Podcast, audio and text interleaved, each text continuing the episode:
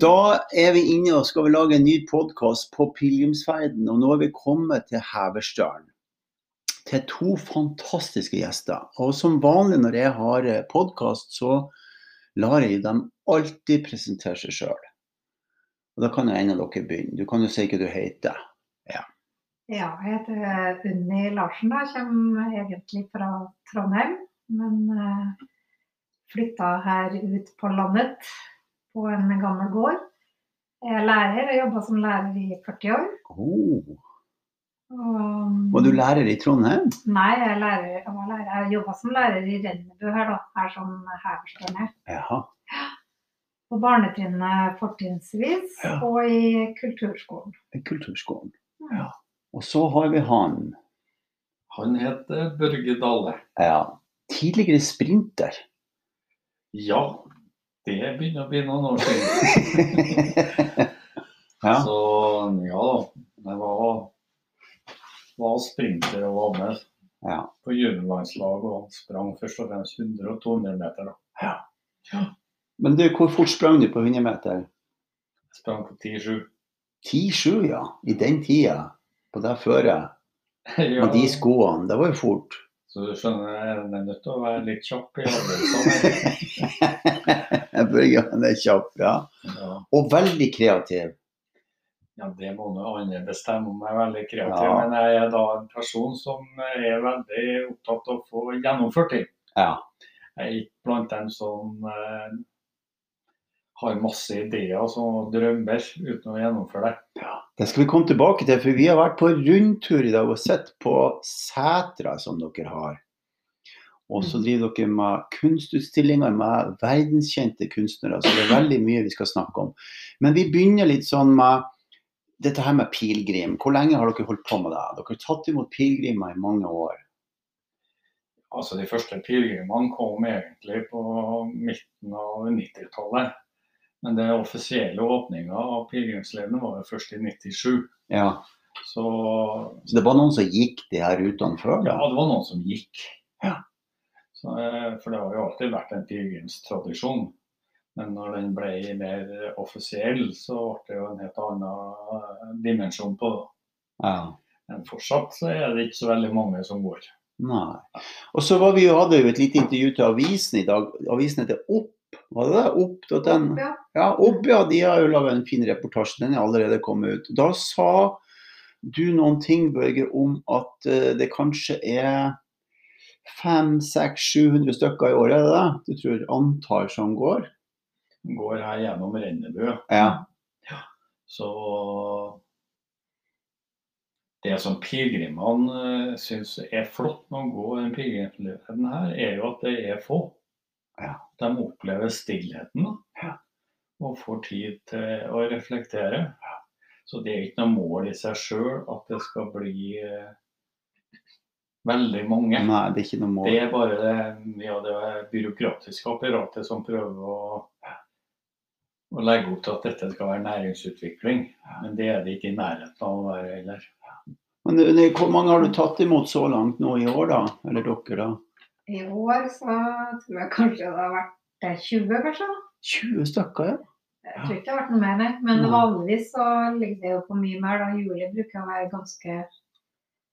Så i fjor så var det jo 300 totalt. da. Så hvis kanskje at det var en ja, er Sikkert en 350, 150 vanligvis så, i juli, tror jeg. da. Men så det er merkbart mindre i år, ja. Ja, for det var tanken var jo at dette skulle bli stengt. Mm. Og vi har stort sett eh, folk fra Tyskland og nabolandene der. Vanligvis, ja. Ja. Vanligvis så kommer til dere. Ja. Ja. Men det er mye tyskere. Mm. Men skal vi prøve å gi lytterne litt sånn eh, De kan jo gå på, på nettet og se på hvor det er han det her, men, men skal vi prøve å beskrive litt hva det er vi er hen? For vi er kommet på en fantastisk fin plass. Og kan dere prøve å beskrive hvor husene her og hvor, hvor, Først, hvor mange hus er det dere har her? Nei, det er vel eh, ni hus, da. Det er ni hus. Så det her er en gammel husmannsplass som var bygd opp på begynnelsen av 1700-tallet. Ah. Og så har vi da flytta inn på tunet noen hus, og det siste huset vi har flytta inn var jo et selhus. som spesielt ble laga for eh, egentlig for studentene mine. Men eh, det hadde en virksomhet i, eh, under OL i 94. Det huset har en funksjon. Ja. Er det der som jeg har vært Det er der du bor, ja. Da under OL så hadde jeg et prosjekt som het 'Naturen er kulturens hjem'. Ja. Så Hvor vi da skulle vise norsk eh, relasjon til natur og Ja. friluftsliv. ja. For det er dere veldig opptatt av. Det er det som er grunnlaget for oss. Ja. Det er vel grunnen til at vi bor her òg. Og de andre husene som her, sto alle husene her når dere kom? Nei, det gjorde de ikke. Ikke riktig alle husene sto her, da. Men, Nei. eh, så vi har flytta til det som vi kaller kårstua, da, som ligger bak her. Som også er et sånt bolighus, da, kan du si, på helårsbolighus. Det har vi flytta til. Og garasjen, eller det, det er egentlig ei gammel høyløe, den er flytta til.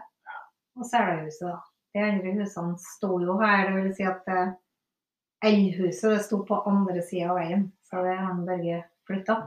Men alt er jo så forseggjort og så fint, og så, så Det er jo en sånn stil som du Det er jo sånn Freia er litt sånn. Ja, det er litt museumspreg, det er det. Så derfor lurer jo alle på om eh, vi er bare om sommeren. Ja, ikke sant? Men dere bor her hele året rundt og har bodd her siden 90-tallet. Det er en fantastisk plass å bo. Ja. For det blir nærhet til natur, og det er nærhet til en tradisjon og en kultur. Og for oss er det viktig å ta vare på kultur, da. Ja. Både moderne kultur og den tradisjonelle kulturen. Og det skal man greie å ta vare på det, så er man nødt til å gi det en funksjon. ja. Gamle hus som står av seg leid, de råtner opp. Ja. Så du må gi det en funksjon, og gjerne en moderne funksjon, en ny funksjon. Da vil det fungere. Det er vel et, eh, kanskje en god tanke også for dem som jobber med kulturbevaring, som Ja. med oss Riksantivaren og andre. Ja, ja, ja. De må være med på og hjelpe oss til å gi husene en funksjon. ja. Det ikke bare blir museum. Ja. Og for jeg var i lag med deg i dag, og vi var oppe på den setra som dere har lenger opp. Lenger inn i dalen, ja. Lenger inn i dalen. Hva heter det der? Gisnadalen. Gisnadalen. Og der er jo Du blir jo slått over ende når du kommer inn i husene og ser hva dere har gjort for noen ting. Det er jo Den ene plassen den har jo en peis som henger i taket, og så har du glass, og du ser ned i møkkakjelleren, og så er det Det er jo helt utrolig. Og så er det kunstnere som kommer dit hvert år. Kan dere si litt om det? Dere har hatt kunstnere fra Nei, Det har vært veldig OK sånn sett at kunstnere har spurt og stilt opp. Ja. Så eh, når du sier at det er verdenskjente kunstnere, så er det jo både Håkon Bleken og Håkon Gullvåg og Inger Sitter med flere da, som stiller opp. Og det tror jeg er rett og slett på års årsaken til at de syns at det er et spennende sted å stille ut. Ja. Eh, bildene får en, en, et rom som gjør at eh, du ser dem i et, et eh, riktig perspektiv. Da. Så, så er det klart at det er hele miljøet rundt gjør at det blir en viss sånn ro når du kommer og skal se på den kunsten. Da. ja. Så, så det detter inn liksom i tunet og bygningsmassen. Du, er du like kreativ som Er dere om det her, begge to? Ja, vi er vel det, da. Det er vi. Men, eh, Dere er det? kanskje Børge som er mest eh, praktisk i forhold til bygninger og sånne ting, da. Nei da, men eh, Men, For det er utrolig hva dere har fått til. Det er jo, det er jo litt avsidesliggende hvis man ja, ja, er ser det sånn. Så derfor, så når vi eh, skulle etablere det eh, ute på setra, da, med, da hadde vi jo en idé om å leie ut husene og drive kunstutstillinger, da. Men da hadde vi jo en søknad inn til innovasjon for å få litt eh, hjelp og ja, veiledning og kanskje litt økonomisk støtte på det. Og da hadde de vel ikke så veldig tro på det til å begynne med. Men eh, det ble nå sånn at vi fikk litt bistand, så Og da har, tror jeg de er litt overraska over at vi fortsatt holdt på, for det var jo i 2007. Ja. Så, men vi har jo holdt på hvert år, så det tror jeg de er litt imponert over, egentlig. At eh, det fortsatt er liv laga. 2007 vet du, så hadde vi en stor internasjonal konferanse Oh, ja. hvor det kom eh, 80 personer som kom fra alle verdensdeler. Og dem, eh, Det var jo en konferanse rundt eh, miljø og klimautfordringer. Og jeg tror at mye av det at de ønska å komme, var jo nettopp fordi at dette var utradisjonelt. Ja. Folk er ikke like gira på at det er så, man skal være på store, kostbare hoteller med barer osv. Så. Mm. så det er vel mer det å så oppleve det autentiske. ja. Slik at eh, Sånn har det jo fungert, og sånn er det også blitt populært. og På tross av at vi ikke gjør noe med det, så det, synes folk det er OK å holde konfirmasjoner og 50- og 70-årsdager Ja. osv. på et sånt sted. Da. Så Så bra. Da har vi fått litt sånn overblikk over uh, hvor vi er hen og plassen og litt dere. Men hva, hva det gjør med dere å være her? Dere kom hit på 90-tallet. Nei, altså Det er jo på en måte godt å bo i ei lita bygd, men det er klart vi, vi kommer her som innflyttere. Vi kjenner ikke eh, familier og relasjoner. Det har vært helt annerledes fra Unni enn for meg. Oh, ja. Fra Unni har jobba som lærer, hun jeg snakket for sjøl. Ja. Men for meg som kommer inn liksom fra universitetssystemet ja. og har vært en aktiv debattant i, i den offentlige. Ja, for så du har sterke at meninger. folk, eh, kan se på meg med andre øyne, men jeg tror jo at eh, stort sett de da ser jeg at jeg er i stand til å gjennomføre ganske mange prosjekter, ja, det er kolossalt å få til. det er jo klart at en setter pris på det. da. Ja. Det som har vært særlig eh, populært, som jeg hadde, er jo egentlig en realisering av et forskningsprosjekt på barn og natur. Og realisert dette Barnas naturveien, som blir veldig populært. Ah, ja. Så det er et fjellområde som ligger bare rett oppi her. Hvor man har laga tre hytter som står åpne for barnefamilier Yes. som brukes. Og så skrev jeg to barnebøker, slik at eh, dette kunne bli lærebøker for foreldre som ikke visste så mye om natur, og så Ja. kunne de legge et, et kapittel foran ungene. Du, sånn, men sånn, eh, det det er jo så mye du har gjort som Hvor gammel er du? Nei, jeg er 72, Og du er Jeg er 62. Ah, ja. Men jeg er veldig sprek. ja. Du er kolossalt Du være enormt sprek. Du ser jo ikke ut som du er 72, det må jeg bare si til lytterne. Du ser jo ut som du er på 60-tallet. Ja. 61, vil jeg ha sagt. Ja.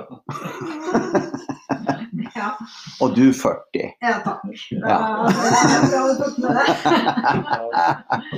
Jeg bommer jo veldig på alderen min, folk. Ja. Ja, det gjør det. Ja. Ja, for du er, du er veldig vital, altså. Du er og, og veldig på. Så er det et veldig aktivt liv. vet du. Ja. Når man bor her, så kan man gå på ski hver dag. og ikke Hvis jeg ikke går på ski her om vinteren, så er jeg på Oppdal og kjører alpint. Du er der, ja. Så det er klart at uh, Og så sover Du er oppe klokka seks hver morgen. ja, Er det jeg- sant, da, Unni? Er han, Ja. oppe, er han en sånn morgenfugl? Det er sant. Så han får gjort litt? Ja, ja. Ja, nei, det er bra.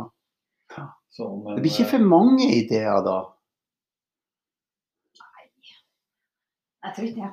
Nauni trives på en helt annen måte i, eh, i Rennebu. Ja, det vi var inne på i stad, ja. Du, du, du skulle si, vi skulle si noe om det, for du vokste opp. Nei, jeg vokste opp i Trondheim, Ja. men uh, mora mi da, hun uh, har et forhold til Rennebu fordi at hun under krigen var uh, bodde i Trondheim under krigen, da, og da var hun jo ganske lita, så da fikk hun lov til å reise eh, på ei seter inne i Gisnadalen der, der hun var seterjente. Og ble feta opp om sommeren. Og så etter det så var hun her hver sommer, og da fikk hun et veldig nært forhold til folk her, og spesielt den familien som hun var hos, da selvsagt. Men vi fikk mange venninner, og så ble det sånn at vi fikk kjøpt ei seter inne i Gisnadalen her, da, som vi har brukt som hytte. da. Så jeg har jo hatt et forhold til området før jeg traff en Børge.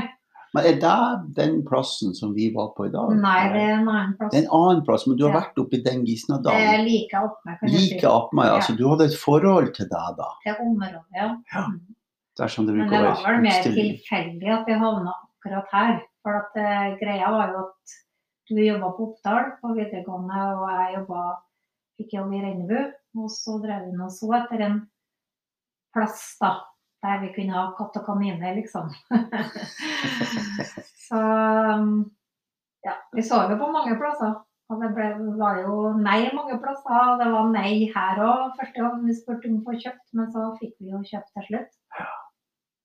Og så etter ei stund, da, så da jobba jeg på Berkåk, men eh, etter en stund så ble det ledig jobb på Grendaskolen her, som ligger fire kilometer unna. Kjempefin, eh, nybygd skole som, eh, som ble drevet veldig eh, ja, hva skal jeg si, forut for sin tid, da, på pedagogisk. Så vi, der hadde vi det kjempefint. da Vi var vel en tre-fire lærere der. og ja, mellom 20 og 30 unger. Det var en veldig fin periode av livet. Det var en Når vi periode. flytta hit i 90, han Sondre, sønnen, da, han skulle begynne på skolen. Mm. Og dattera, Tuva, hun ble født her i 91 og fikk barnehage her. Det var et veldig trygg måte å vokse opp på. Ja. Og du hadde den her nærheten til naturen. Så det var et rolig liv med mange muligheter i forhold til oppvekst for ungene. da. Mm. Og det ser vi jo konsekvensene. Det er litt morsomt, disse to barna våre. De har jo gått i litt ulik retning. ja. Han, Sondre han har funnet seg ei gardsjente på Oppdal. Oh, ja. Så han er nå blitt kubonde Ja. med seter oppe i skaret hvor de lager rømme. Nei, så artig. Så og er opptatt av det helt nære. Jaha. Å være selvforsynt. og Oh. eh, Det er jo en gard ute i Vognhild til Ingunn. Og så har hun minste da, hun har gått i motsatt retning. Og flytta til Stockholm og blitt eh, særdeles eh, vellykket eh, musikalartist på Oscarsteatret. Oh, ja. Så hun eh, har gått i den retningen. Så, men hun er jo født og oppvokst her. Det er jo litt morsomt. Du kommer ifra ut på skogen, og så blir, og så blir kåra til Sveriges beste musikalartist i fjor. Det, det viser noe om om kvaliteten. ja vekstvil, vekstvilkårene, litt sånn. Ja. Ja, det blir det, altså. Og når Unni nevner den skolen, ikke sant? De, var, de fikk lov til å stå på scenen og Ja. prøve å uttrykke de kvalitetene de er i besittelse av. Og det, det er klart at det, det var ikke så mange elever der, så det ble god plass for den enkelte. Så det, det, det er Dere, masse dere har veldig sånn sterkt hjerte til naturen, og det er jo kjempeartig og, og, og spennende. Så, så har du noe som heter Steteam Hva heter det? Stiftelsen? Steting Erklæringen. Erklæringen er det, ja. Unnskyld. Det er mer som et manifest. da. Ja. Kan du si noe om det? For det er så naturnært. Ja. Nei, når det gjelder dette økofilosofiske miljøet, Ja. så har jeg vært inne i det siden 1970. 1970, ja. Eh, og da er det snakk om en Arne Næss og Sigmund Kvale og Nils Vårlund. De var filosofer, men de var ikke noen sånne administratorer. Nei. Så mye av det som har vært av konferanser og en del sånne ting, er jeg som har lagt til rette for. Og et av de prosjektene da, det ble at vi skulle ha konferanse oppe under Stetind. Og at vi skulle gjøre Stetin eh, som et internasjonalt symbol på økofilosofi. Fordi at Arne og Sigmund og Nils de var der i 67 Mhm. og begynte å koble dette med økologi og filosofi. Så da fikk vi gjennom Miljødirektoratet den gangen midler til å starte opp det prosjektet. Og da ble det også sånn at jeg laga denne boka, som ble et festskrift til naturen. Yes. Som var felles eh, istedenfor å skrive et festskrift til en Signe og Nils hver gang de fulgte et, et rundt år.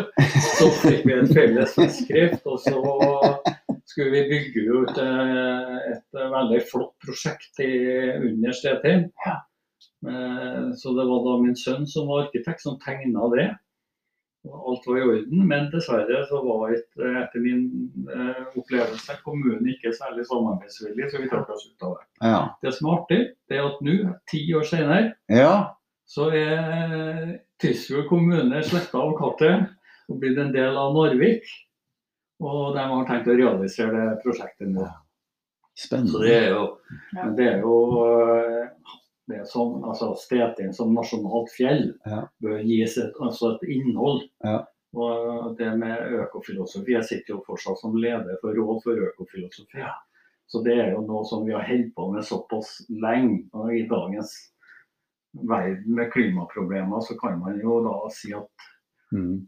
hadde man skjønt det som vi skjønte i 1970 i dag, Mm. så hadde man eh, kanskje begynt å operere på en annen måte enn det regjeringa og Mm. verdens ledere gjør. Alvoret er all, langt større enn ledende politikere har Mm. skjønt per i dag. Men, men du må, dere, eller dere eller du, eller jeg vet ikke helt hvem av dere som har alle disse fancy ideene, mens vi sier dere, men du må, dere må jo være voldsomt visjonær, da, som, som gjør alt det her. Ja, det Nei, altså Når jeg driver med husene, så driver jeg med det jeg kaller kreativ snekring. Ja. Så ingen får vite hvordan dette blir før jeg er ferdig. Så, så det, det er måten jeg jobber på. Ja. Og eh, sant? Jeg, når, jeg, du når jeg driver og tegner moderne hytter som jeg har realisert, Ja. så har jeg dem i hodet. Og tegner med blyant og uh, linjal. Og så får jo andre legge det inn på data, og sånn at det går an til å produsere. Men um, det er noe med det at man er, Altså nå går jeg mye alene i fjellet her, ikke sant. Og Hun har vært i jobb, og jeg har vært pensjonist i en del år. Er, men gjennom hele livet så har jeg opplevd det at det, når jeg er ute i natur og går alene i naturen, så går jeg og tenker. Og alle de gode ideene jeg har hatt i livet, de har kommet stort sett når jeg har vært ute. Mm. Og så får man eh, sette i gang prosessen på å realisere i ettertid. Fantastisk. Vi går litt sånn tilbake til pilegrimene, for dere har jo hatt pilegrimer i mange år. Mm. Og dere har hatt besøk av eh, prester, og dere har hatt besøk av munker, og dere har hatt besøk av veldig mange forskjellige. Kan dere si noe om det, da? Ja, det er, mye, det er mye forskjellige typer folk, og vi syns det er veldig trivelig å prate med dem når vi er hjemme. Ja. Men eh, mange forteller jo veldig mye om hvorfor de går, og det er jo mange som har en, en grunn for at de går. F.eks. at de har eh, funnet ut at de skal gjøre noe nytt, komme til skille, en skillevei i livet f.eks. De vil gjøre noe annet enn de har gjort tidligere. Eh, Hva skal de bruke resten av livet til? Noen har kanskje mista en ektefelle. Eller kanskje de er syke sjøl, så de har lyst til å utfordre seg sjøl i forhold til det. Eh, Og noen er det bare går fordi at eh, de ser på det som en eh, turmulighet, rett og slett. Men blir du sittende så må, må du hjelpe dem? Snakker du med dem noen gang om å hjelpe dem? Litt sånn ho- ho- hobbyprest, hobbypsykolog, eller? Ja, jeg må jo si at jeg har vært med mye som terapeut. Ja. Og det kan jo være på, innenfor livsfilosofi og livskvalitet. Og det vil alltid være greit for folk å kunne snakke helt til en fremmed Ja, om ting som stikker veldig dypt. Ja. Altså, det er ikke det du kanskje snakker med de nærmeste om. Nettopp. Så Det ligger et eller annet der, og i tillegg, siden særlig tyskerne vet at når de kommer til Everstølen, så er dette et sted der man har eh, økofilosofisk tenkning. Så Derfor så blir det veldig ofte at jeg blir invitert Mm. inn til å snakke med grupper og Ikke sant? Hva det om eh, handler om. hva dette handler om, og hva livet handler om. Ja. Og hva det er vesentlig å legge vekt på for å ha et godt liv. Men hva Altså, det er helt enkle. Og det, Der er du inne på noe artig. Da må vi fortelle litt om hva er det livet handler om, Børge? ja, altså, livet, Nå er vi spent, Ja, livet handler om å jeg er akademiker, så jeg kan jo belegge det jeg sier. Men altså, første kona til Arne Næss, Siri Næss, Ja. hun var livskvalitetsforsker. Og hun er med i Rådet for økofilosofi og stille oppegående, langt over 90 år. Men det er å ha gode relasjoner. Ja. Et, eh, og det sier Finn Vaglå tidligere, Ja, han er også med i rådet. ja, Altså det å ha gode relasjoner det, til de nærmeste ja, og til familie og venner. Det å ha relasjon til natur, Ja. relasjon til kultur, og ikke minst ha relasjon til deg sjøl. ja. Ehm, Så det å prøve å leve et liv i et godt, med gode relasjoner, det er det vesentlige. Og og da blir det litt eh, som jeg sa i sted, altså problemet i dag, Ja. det er at man prøver å vise et godt liv gjennom høyt forbruk. ja ikke sant. Ikke sant? Og statussymboler. og Ja. Da blir man til syvende og sist skuffet. Ja. Og så vil det, som man da skjønner, altså klimaproblemene er et forbruksproblem. Ja. Eh, slik at i sånn måte så er man nødt til å endre forbruket.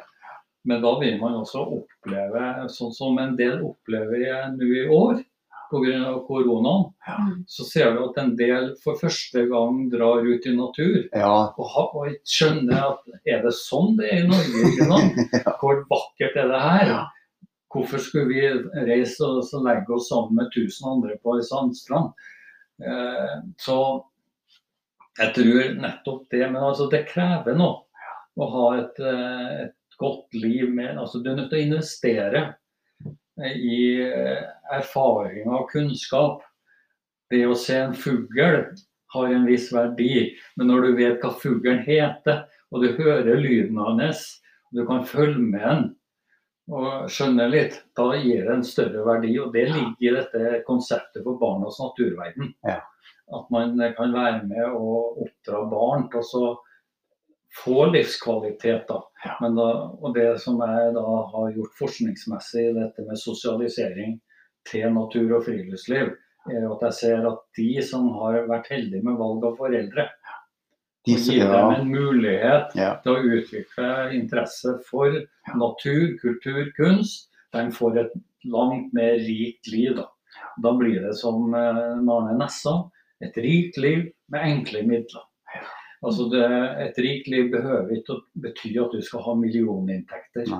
Det, så her ligger det et veldig stort alvor egentlig i dagens eh, situasjon. Og da er det jo helt utrolig at man ser store samfunn som Amerika, eh, som har vært et foregangsland for mange og for Norge. Men at man finner presidenter som i de grader er inkompetent i alle sammenhenger, det er jo da Ja, det er bare trist. det er Det er bare trist. ja, forferdelig, egentlig. Jeg har noen venner som jeg snakker med der ganske ofte, og de er, de er fortvilet, for det begynner å bli sånn Nå skal ikke dette bli en politisk podkast, men det blir fortvilet. Fordi retten til å si det du vil si, begynner å bli eh, begrensa. Ja, men det Ja. gjelder ikke, altså, det er ikke bare politikk. Det blir en del politikk, Ja. konsekvenser av det, Ja. men det er altså å forstå Ja. Og ha kunnskap om hvordan menneskeheten har påvirka natur. Ja. Og i hvilket tidsperspektiv dette er i. da. Før problemene vil kunne bli sånn at det er uløselig. Han som en Sigmund Kvaløy som også er eng. Det er klart at eh, det han eh, opplevde var at eh, ingenting kommer til å skje før man er egentlig godt på vei utenfor stupet. Ja. Så man får vente og se hva man er, Vi har vært naiv, hele økofilosofimiljøet har vært naiv. Vi trodde at kunnskap skulle være med å endre verden. Ja. Men eh, kunnskap er- det er det mest fundamentale i mennesket eh, i forhold til det som du ser i dag. Det er grådighet. Og man er mer Ja. bekymra for eh, at man ikke skal tjene nok millioner enn at eh, en, tusenvis av eh, mennesker skal dø. Ja, som vi ser nå. ja, med korona. Ja. Vi nærmer oss en halvtime, så jeg må stoppe den her. Og så skal vi sette på på nytt igjen. Ja, der ser du hvor tida hvor fort det går. Og så for den her går en halvtime av gangen. Da er vi straks tilbake igjen med disse her to spennende, spennende gjestene på podkasten.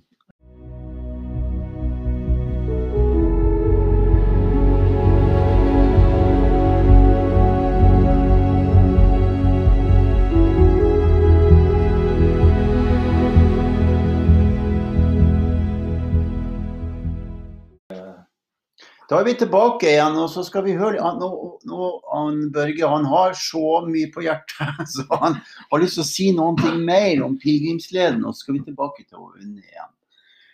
Du sa da at pilegrimsleden kunne blitt noe helt fantastisk. Ja, jeg trodde eh, når vi da begynte å jobbe med det her på, tidlig på 90-tallet Men dessverre så fikk vi ikke noe samarbeid med Riksantikvaren den gangen. Men jeg tror jo nettopp det at den, eh, det å gjøre en pilegrimsvandring i forhold til å vise en naturvennlig måte å leve på, hadde vært noe som kunne ha vært med og fått enda flere til å gå og reflektere over både sitt eget liv og sitt liv i relasjon til natur og de verdensproblemene man ser. Og Derfor så har jeg egentlig jobba ganske mye for å få til det. Bl.a. laga studieplan i entreprenørskap knytta til utvikling av pilegrimsleden. Der det var eh, mange dyktige folk som nå jobber i forhold til pilegrimsleden, ikke minst Einar Vegge. da. Ja. Så så det at man har greid å utvikle det mer på kunnskapsbasert, da, så tror jeg, og tilrettelagt slik at man har også det blitt en læring gjennom å vandre, så kunne man ha fått lært på noen Ja, og kultur, om arkitektur. Ja, Og, og så må man da ha ulike motiv ja. å gå. Noen har religiøse motiv, noen har helt andre motiv. Men felles motiv burde være at dette var en vandring for å ta vare på skaperverket. Det er det viktigste Ja. For hele den globale verden. Ja, ja, ja. At vi må ha et fellesskap rundt skaperverket. Så om du går her, om du er kristen eller katolsk, eller om du er medlem av statskirka, burde ikke bety noe som helst. Og det er det som var saken eh, når man gikk her i, eh, som ordentlige pilegrimer. Ikke sant? Da var det ikke bare kristne som gikk, Nei, det gikk handelsfolk og ja, ja. alt sånt mulig i et fellesskap. Og de hadde et fellesskap i å nå dette eh, målet, Ja. de hadde ulike ærend å gjøre. ja. Men, og det kunne ha vært mer tolerant i så måte, da. Og da tror jeg at dette kunne ha blitt langt mer vellykket. Men jeg har gjort innspillene som jeg har hatt mulig. Man har kanskje hørt på det litt, men av en eller annen grunn så skjer det veldig lite. Og for å være helt ærlig, jeg har gitt opp. Oh, ja. En visjonær med du- men, Skikkelig konklusjon. Skikkelig konklusjon, ja. Fanta- men, eh, Børge, vi, vi, vi sier tusen takk til Børge. Vi tar bare ett ett minutt med henne, eller to eller tre. Vi får se hvor lenge det er. Men jeg har lyst til å høre til mer sånn, når du har møtt folk, hvordan, hvordan du syns det er. For jeg vet hvordan jeg syns det er å møte deg. Det er veldig hyggelig å møte han Børge, for han blir sittende og prate, men det er noe sånn æresfullt estetisk av å møte deg og komme hit. Okay. Noe veldig flott med det når du kommer, og du er veldig, veldig hyggelig og snill og, og alt. Men har, ja, men har du noen historier om noen, når du har møtt noen, hvordan det har vært? Du sa litt rundt deg i stad. Husker du noen spesielle historier som har vært Ja, jeg husker mange. Det er mange historier, og det er mange eh, hva skal jeg si, møter som jeg husker. Ja. er Det er noen eh, komiske møter og noen, noen uh, For eksempel har det vært flere som har kommet hit da, som har møtt moskus på veien. Da. Og det har ikke bare vært eh, trivelige møter med kamera, men jeg har møter dem og følt eh, truende. da. Blant annet en dame som jeg husker som hadde sittet oppi et eh, tre i fem-seks timer mens moskusen hadde gått rundt. Nei, ser du det? For hun hadde da blitt råda til å gå eh, på ei side av elva der det er ganske mye moskus på den tida hun gikk. Da, så ja. da vandra hun der og gikk rett på han. Og da fant jeg vel ingen annen mulighet enn å, å hoppe. hoppe så landa oppi et tre. Der så. han er én, og så Ellers er det noe F.eks. det var en, en jente som spilte fiolin i var det Wien-filharmonikerne eller noe sånt, eller var det Monica. Men Hun kom nå hit, og hun ble her i flere dager, og så ble hun med oss på en annen gård litt lenger ned her, som har eh, åpent seter med litt sånn servering om sommeren. Da. Så det var rømmegrøt der den kvelden.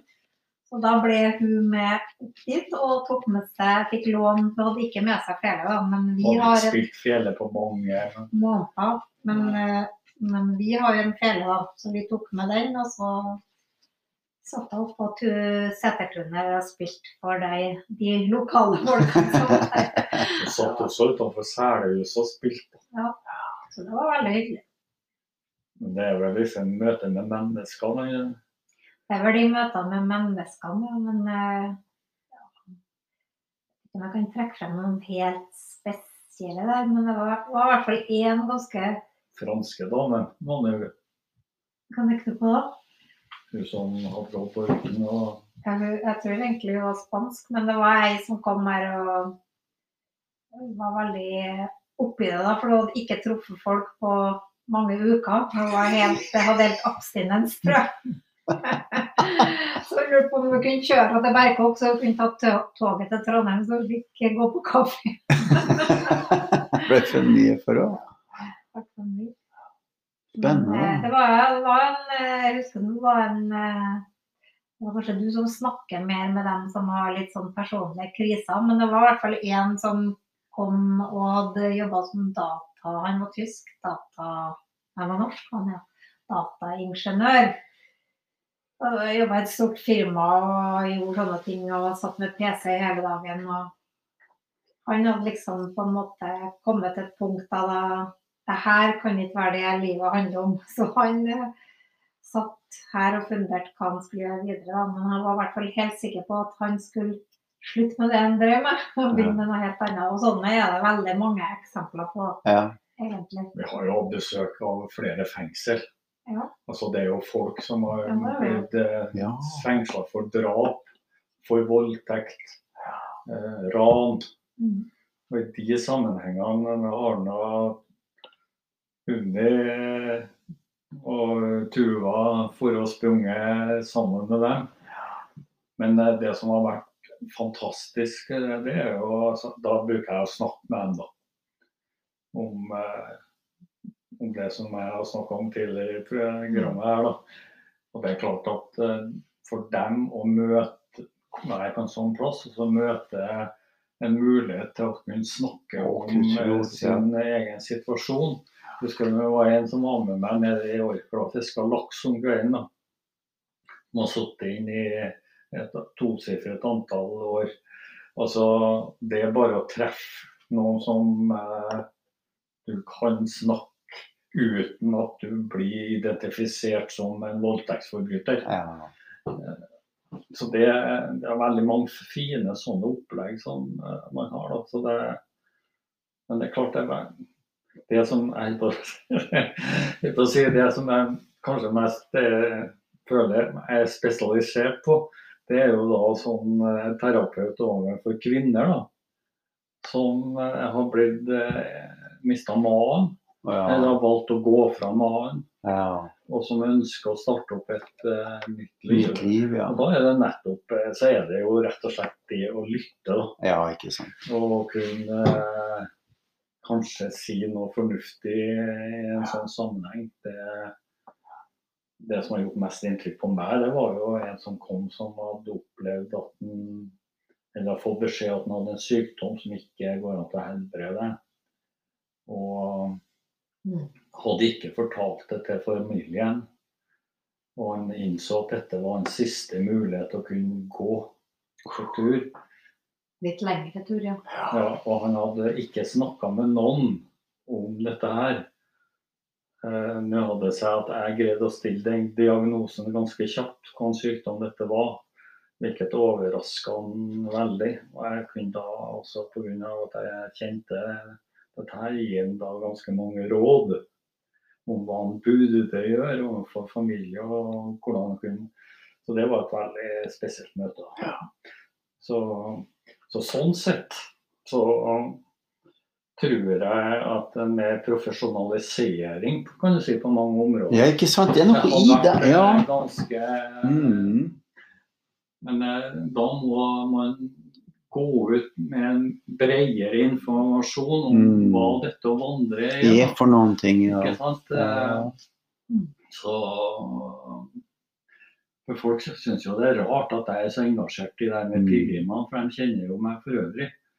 Så Men det er noe fint med at dere er her. Det er noe sånn veldig flott med at dere er her og tar imot deg som kommer og hører på deg som er, og tar vare på deg. når vi er til stede, da. Når vi er her, så er vi her. Ja. Ja, når dere er her, ja. Mm. Vi, vi har jo lagt det opp litt sånn at eh, det er litt såkalt eh, selvbetjent, Ja. på en måte. Ja.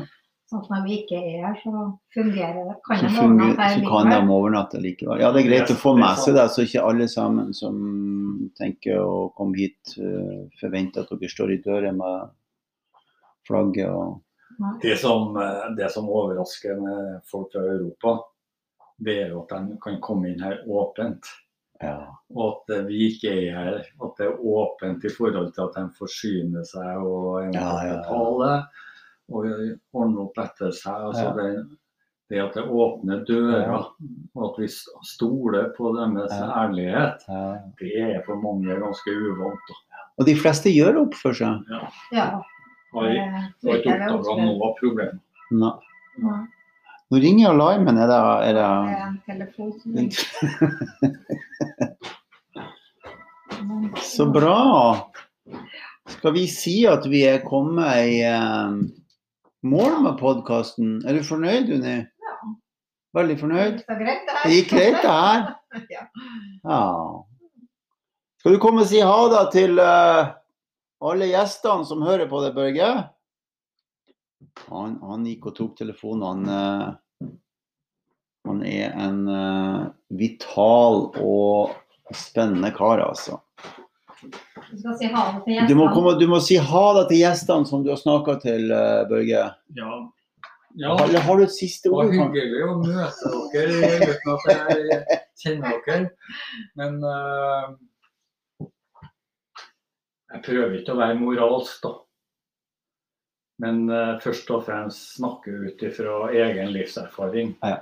Av og til så kan det være lurt å lytte til en Karsten, gammel mann. en som har vært med på mye. Gammel, vital mann. Ja. Men tusen hjertelig takk skal dere ha. Ja. Så, så sier vi takk for nå til alle sammen som hører på. Mhm. Flott. Takk oss.